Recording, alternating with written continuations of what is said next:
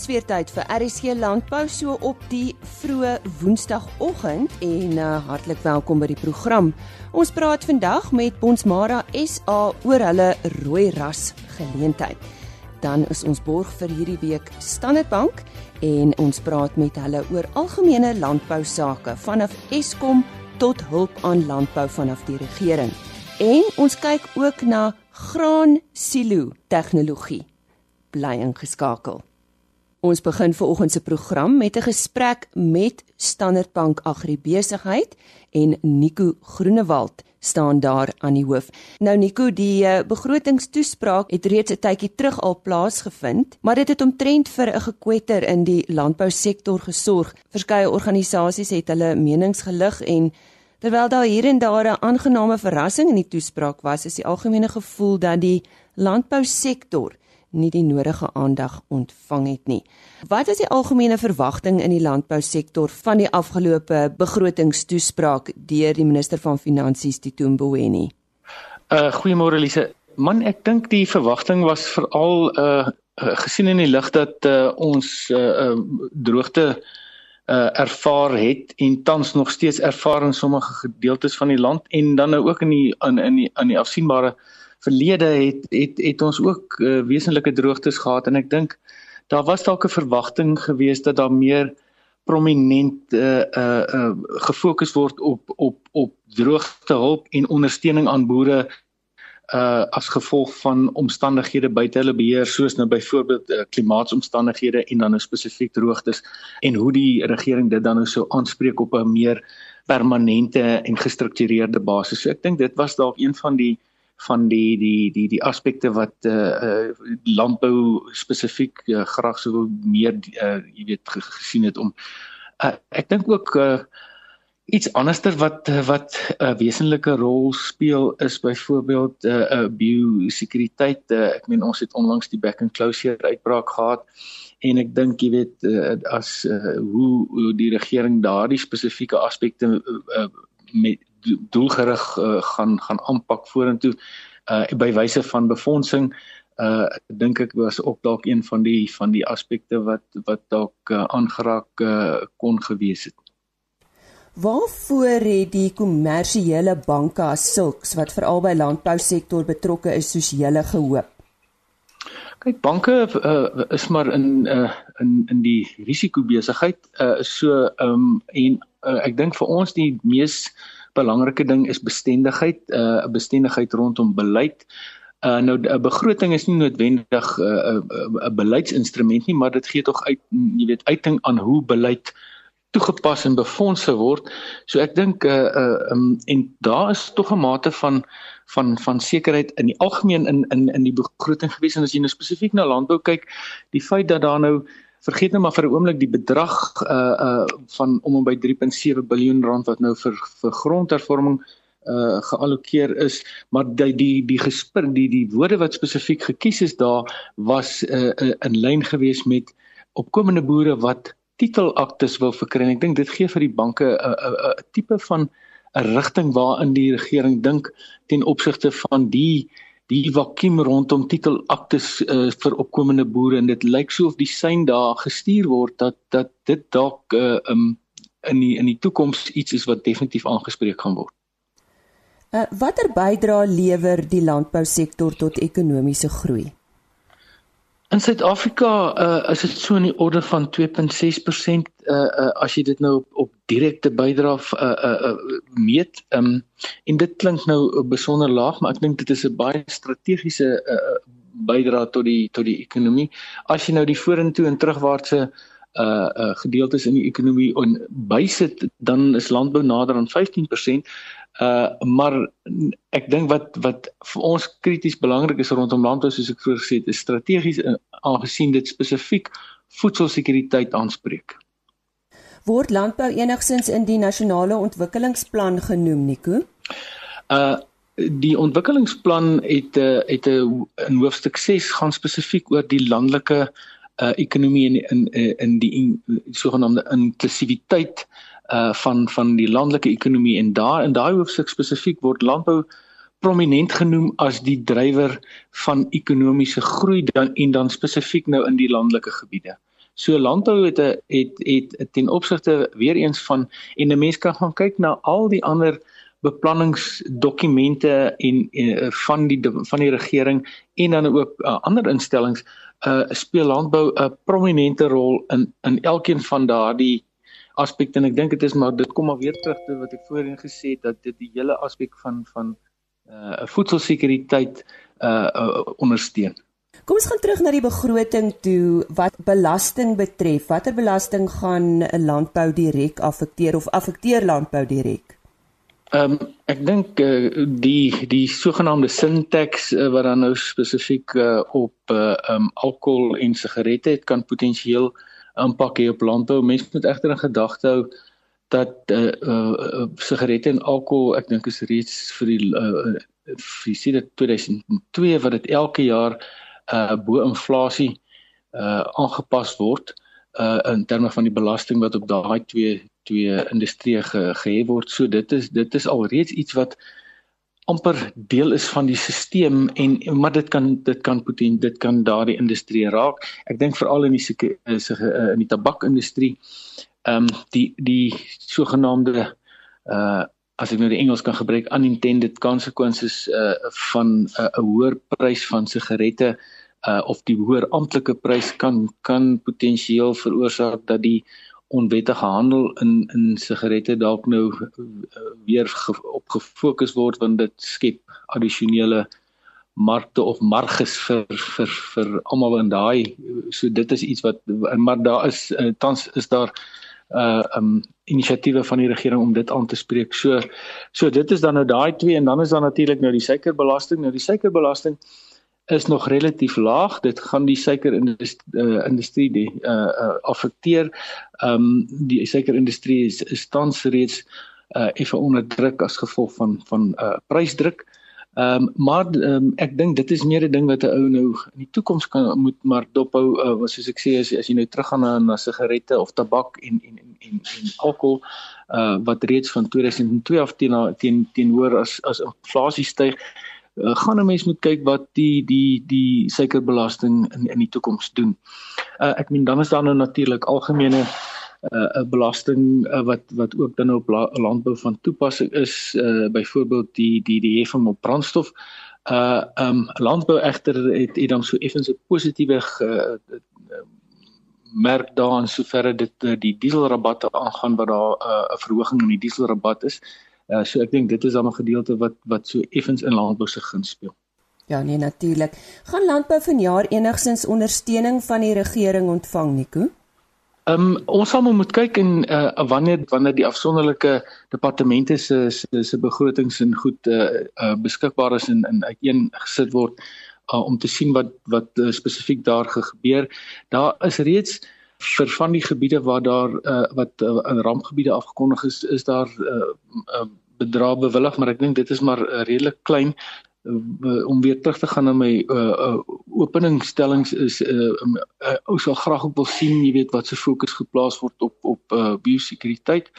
En dan uh sal ons ook graag wil sien nou spesifiek van van van van die banke se kant af uh en ek dink dan dan van van landbou op sigself se kant af weet hoe uh, uh, uh bemarkingsgeleenthede bevorder kan word spesifiek vir uitvoergerigte uh produkte uh, jy weet in, in in tot watter mate die regering uh, en dis nie net uh, beperk tot die departement van landbou nie daar is ook dan nou die uh, DTI en die die die ouens wat wat wat 'n rol speel um, om om uh, ons produk uitvoere te kan bevorder. Nou ek kon nou gesels oor die bietjie uh, uh aan die donker kant en dis Eskom. dis dit so kan noem. Nou 'n uh, 'n uh, voorlopige toekenning van 69 miljard rand wat uh, oor die volgende 3 jaar toegedeel is is aan Eskom nou nou vir herstrukturering gemaak en dit dit verander ook. Dink jy dit gaan enige verskil aan ons energiekrisis maak? Uh, ek hoop dit sal uh, die spreekwoordelik uh, lig in die tonnel kan kan uh, wees. Uh nee, ek dink uh, uh, rondom dit uh, van so sprekend Eskom uh, het het ondersteuning nodig so die die feit dat daarop gefokus word is, is bemoedigend. Ek dink 'n mens moenie net na die bedrag in isolasie kyk nie want ek dink Eskom se se se uitdaging is spesifiek hulle skuldvlakke. Uh en daarom uh die uh, allokering van fondse en maar tesame daarmee die herstrukturerings planne rondom Eskom uh en en die fokus wat daarop geplaas word, ek dink ou moet dit in in in geheel sien en hopelik uh gaan dit uh vir 'n uh, bydrae kan lewer vir, vir bestendige elektrisiteitsvoorsiening vir nou en in die toekoms. Want dit is krities belangrik vir landbou uh vir die hele waardeketting in landbou. Uh, jy weet die, die uitdaging is is veral op primêre vlak of op plaasvlak. Dis nog een ding dat 'n mens 'n uh, sekere meganismes in plek kan sit as jy nou byvoorbeeld 'n pakstoor het en so om om die elektrisiteitsvoorsiening of die afwesigheid daarvan te kan te kan counter. Uh maar as 'n ou byvoorbeeld met 'n spul spulpunt elders in die uh, in in 'n land sit, uh, dit is 'n moeilike ding as daai goed net ewe skielik afgaan om daai krag uh weer terug te kry as jy daai water verloor het uh, of daai daai tydperk wat jy moes water toedien is uh, dit 'n wesenlike impak op op daardie gewasse. Nou ja, sê baie dankie aan Nico Groenewald. Hy is die hoof van Agri Besigheid by Standard Bank. Die Bonsmara SA rooi ras geleentheid waarna almal uitgesien het hierdie jaar het op 13 Maart plaasgevind by die Afridome in Parys en ek gesels nou met Louis Styl daaroor. Nou Louis, ons het uh, voor die geleentheid met jou gepraat en dit is vir julle 'n groot hoogtepunt veral as ons nou uh, dink aan julle verjaarsdag wat julle ook gevier het vanjaar. Uh net so 'n bietjie terugvoering in die algemeen, was julle tevrede? Uh, Goeiemôre Lise. Uh, ja nee, ons was baie tevrede geweest met uh eerstens met die opkoms van ons rooi ras geleentheid. Uh ons saal was vol geweest. Ons het seker uh, by die 200 mense gehad wat die dag bygewoon het. Ehm um, en ek dink die sprekers het ook uh Phil Venter en Nick Serfontein het ook vir die mense iets gegee wat hulle reg kan huis toe vat en bietjie gaan oor nadink in terme van waar ons staan in die politiek en die ekonomie en met grondhervorming en so aan wat kom. Uh en dan het ons daarna het ons uh, net na die na afloop van die rooi ras geleentheid het ons ons nasionale veiling gehad en ek dink die pryse praat vir hulle self. Ons het 'n uh, toppryse gehad van 180 000 rand 165 000 ehm um, en nog nog 'n hele klompie ander baie goeie pryse wat behaal is vir vroulike diere en ek moet ook eerlikwaar sê ek dink die kopers en verkopers het het albei die kopers het uitstekende diere aangebied en die verkopers het uitstekende diere wat hulle kan plaas toe vat wat verseker vir hulle genetika gaan bydra. Uh so ons was baie baie tevrede geweest met die afloop van die van die hele dag en van ons hele geleentheid en die ehm um, algemene jaarvergadering die dag voor dit. So dit was 'n lekker week vir Bonsmara geweest, ja. Louis, uh die feit dat uh, mense nog bereid is om te belê, dit sê nogal iets, né? Ja, ek dink dit is vir ons altyd lekker en ook met die met die met ons nasionale veiling wat so vroeg in die jaar is. Ehm um, is dit altyd 'n vir ons 'n bietjie van 'n aanduiding van is daar nog nuwe toetreders in die mark wat wat inkom en wat op soek is na top genetika? Ehm um, wat doen die wat doen die gevestigde stoetelers? Koop hulle nog nog by mekaar ehm um, gevestigde genetika en ek dink uh, die veiling is altyd 'n lekker uh, benchmark om te kan gebruik. 'n uh, bietjie as 'n vooruitskatting ook vir wat die wat ons in die jaar kan verwag. En uh, ek dink as 'n mens gaan kyk na die pryse wat ons weer gekry het hierdie jaar dan wys dit eh die bonsmara is nog 'n baie gesogte dier en laat uh, daar lê vir vir, al die bonsmara teelers 'n uh, 'n goeie jaar voor want met al die droogtes en onsekerheid in ons landbou op hierdie stadium dat mense nog bereid is om om dier te gaan betaal vir vroulike diere beteken dat daar's nog baie ouens wat positief is oor die bedryf en uh, en die bedryf in 'n baie goeie lig sien. Louis, maar nou verneem ek sekere lotte het nie verkoop nie. Wat is die rede daarvoor? Ja, daar is maar altyd ehm um, uh, so, so hier en daar wat dit gebeur dat daar dalk 'n lot nie verkoop is nie. Ek dink baie keer is die is, is die grootste rede daarvoor maar Ehm um, baie kere nog dit is 'n nuwe nuwe teeler wat 'n toetrede wil maak tot ehm um, tot die bedryf en uh, en en sy sy naam mag dalk nog nie so bekend wees nie, maar dit beteken nie die dier die dier self is is is 'n slegte dier nie. So ek dink dit is maar 'n ding van 'n mens moet 'n brand name vir jouself bou en uh, dit is nog steeds 'n baie goeie goeie plek om om vir die ouens ten toon te stel wat se tipe diere jy het wat jy in die mark kan sit. En uh, ek dink daar is verseker van daai ouens wat uh, binne die volgende paar jaar gaan hulle verseker hulle diere baie maklik van die hand kan afsit. Ehm um, maar ja, dit wys ons wys ook vir ons dat eh uh, die ekonomie is daai daar buite en eh uh, dat die ouens ehm um, hulle hulle tel hulle sente twee keer voor voordat hulle 'n dier sal koop, ja. Louis sê bietjie vir ons, wie was die verkoper en wie was die koper van die duurste lot? So bietjie meer oor oor daaroor vir ons asseblief. Ek is seker ons uh, boere stel daarin ook belang. Ja, die verkoper van van die duurste lot was Nico Pieterse van Syferfontein Bonsmaras en uh, hy het 'n hy het 'n 3 in 1 koei ver, verkoop. Dit uh, is 'n koei wat dragtig is en en 'n kalf lang langs die sy het. Ehm um, en hy het hom verkoop vir 180 000 rand aan ehm um, Casimessum van uh Simbons Maras.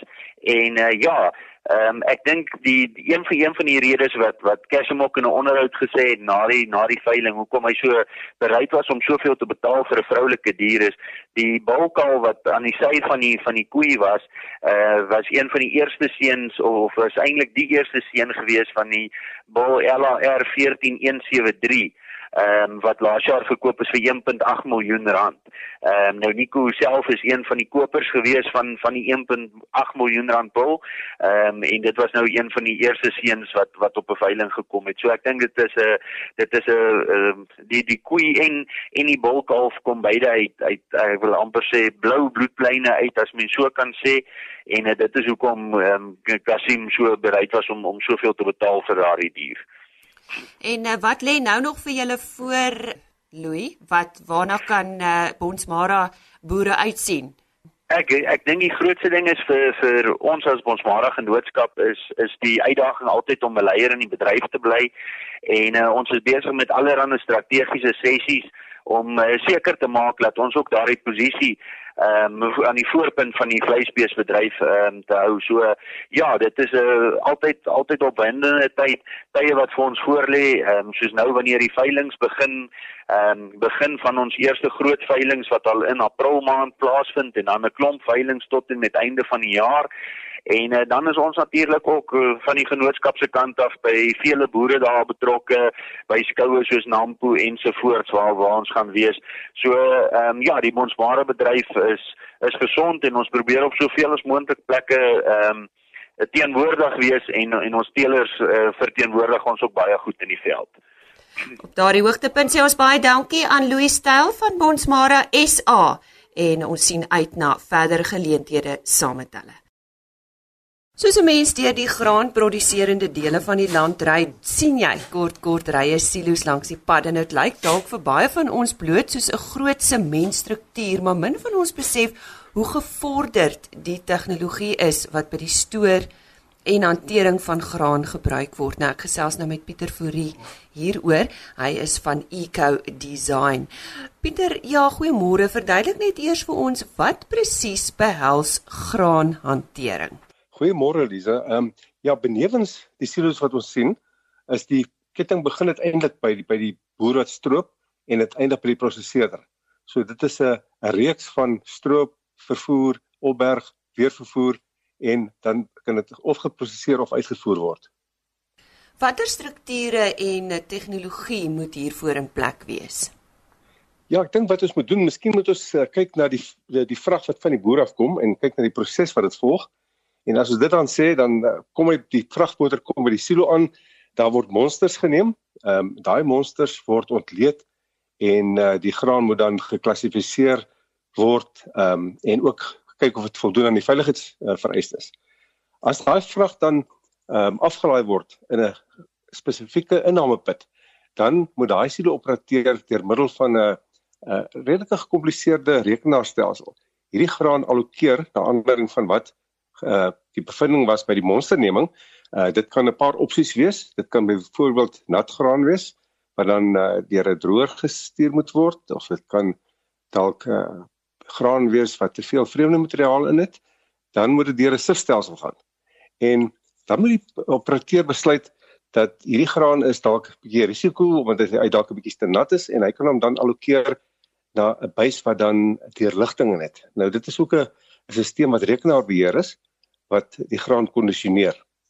So dit is 'n redelike klompie goeders wat in plek moet wees en dan is daar nog stelsels in hierdie in hierdie kompleks, hierdie silo kompleks, so stofafsuiging om risiko's te beperk soos stofontploffings en sulke goeders.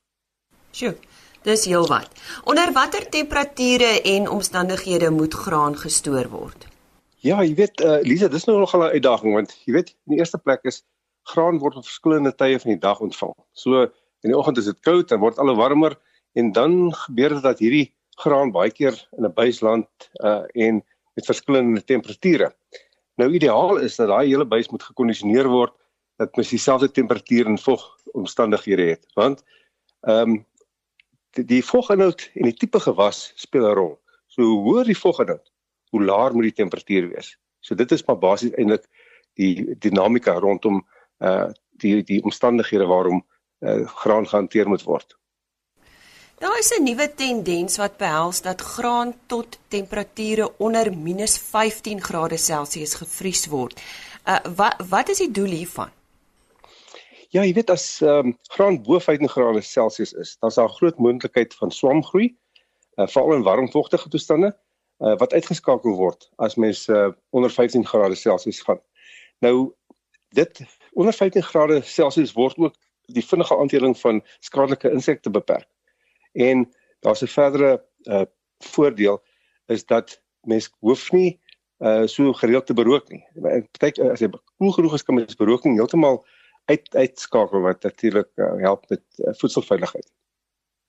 Die hantering van graan hou seker 'n hele klomp uitdagings ook in soos enigiets anders. 'n Brei bietjie daaroor uit. Ja, ek dink as mens begin op die plaas, ehm um, die produsent wil eintlik sy graan so vinnig as moontlik van die land af kry want in die eerste plek is daar risiko's van haal en ryp en ook um, in die begin van die seisoen is die pryse hoër. So hy gaan druk plaas op die silo operateur of die opbergingsmense om die graan so nat as moontlik in te neem, so gou as moontlik. Nou as mens uh, mielies as 'n voorbeeld sou neem, die kwaliteitsstandaarde sê dat uh, mens met hom probeer inneem onder vog inhoud van sê maar 14%.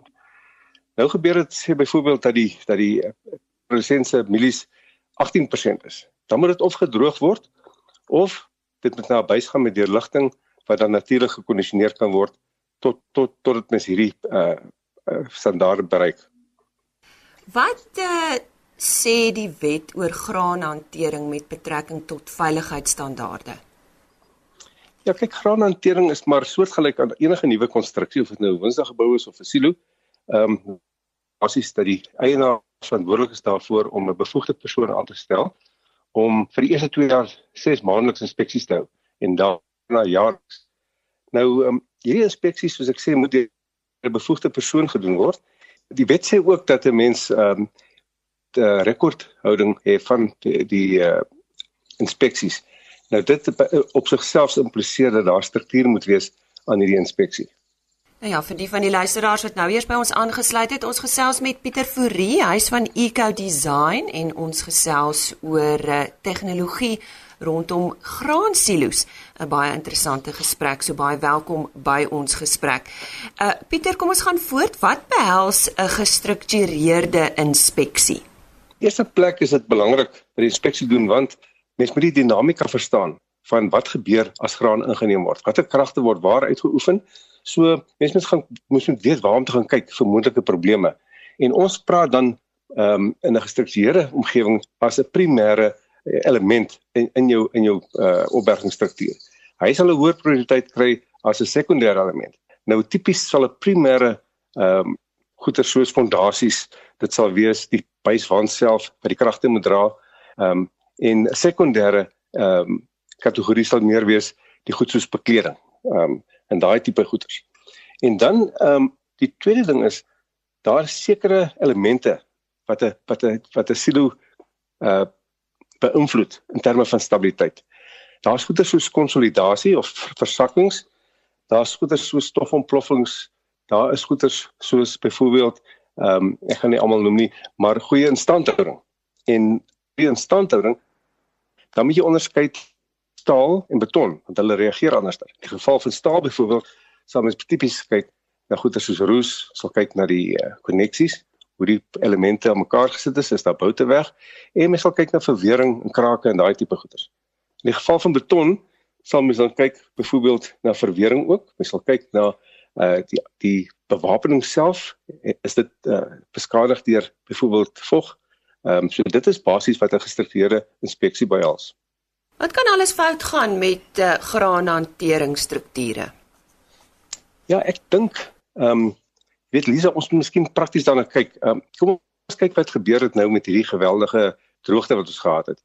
Ons het gekry dat dat 'n buis begin oorhel het. Hy het, hy het gekant, begin kantel en die rede daarvoor is eintlik dat die watertafel het so laag gesak dat onder waar die waar jy byvoorbeeld klei laag sand kry, het hierdie klei laag begin krimp en dan begin goeders relatief tot mekaar beweeg. In die geval van sand ek, ek, is, is daar vogpartikels tussen jou sandkorrels, dit verdwyn en dan kom bakterieë sand.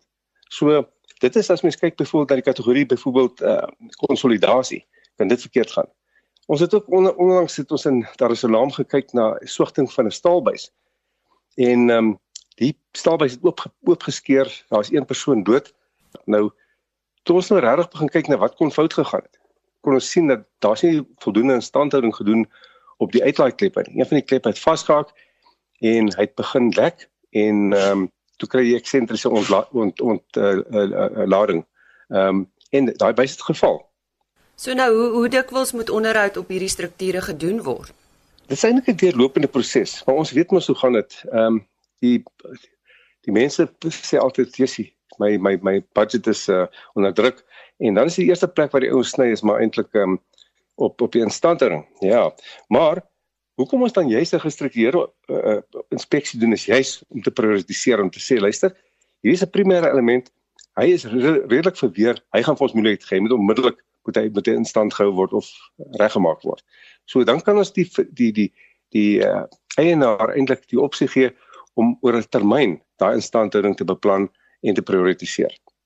Hoekom is voldoende dreinering belangrik? Jy weet ehm uh, sta, staande water hou altyd 'n bedreiging in want dit is jy weet dit sak in die grond in en dit kom by plekke in uh in jou tonnels uh veral en dit val jou jou masjinerie aan. Ehm um, so die die funksionaliteit van jou masjinerie word be, of kleppe en goeders word beïnvloed. Ehm um, maar dit dit ook in die geval van beton. Uh kyk beton is eintlik maar poreus gaan dit eintlik in hierdie poree in en dit val jou bewapening aan en dan kan jy byvoorbeeld later kry dat hierdie ding swig.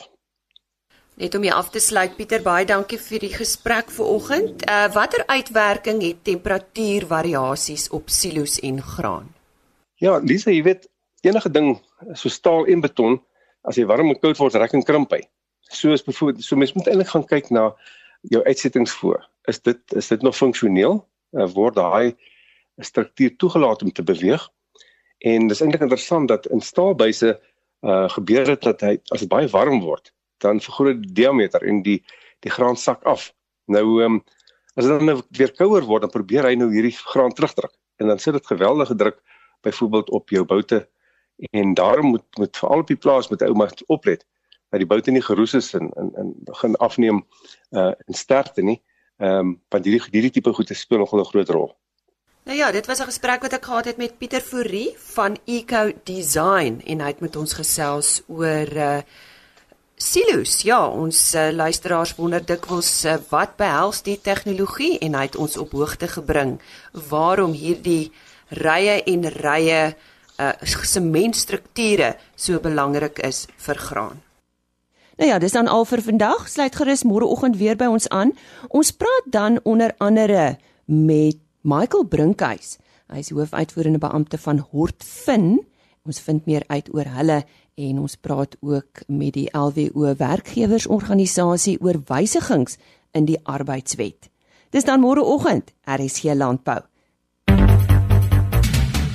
RSG Landbou is 'n produksie van Plaas Media. Produksieregisseur Henny Maas.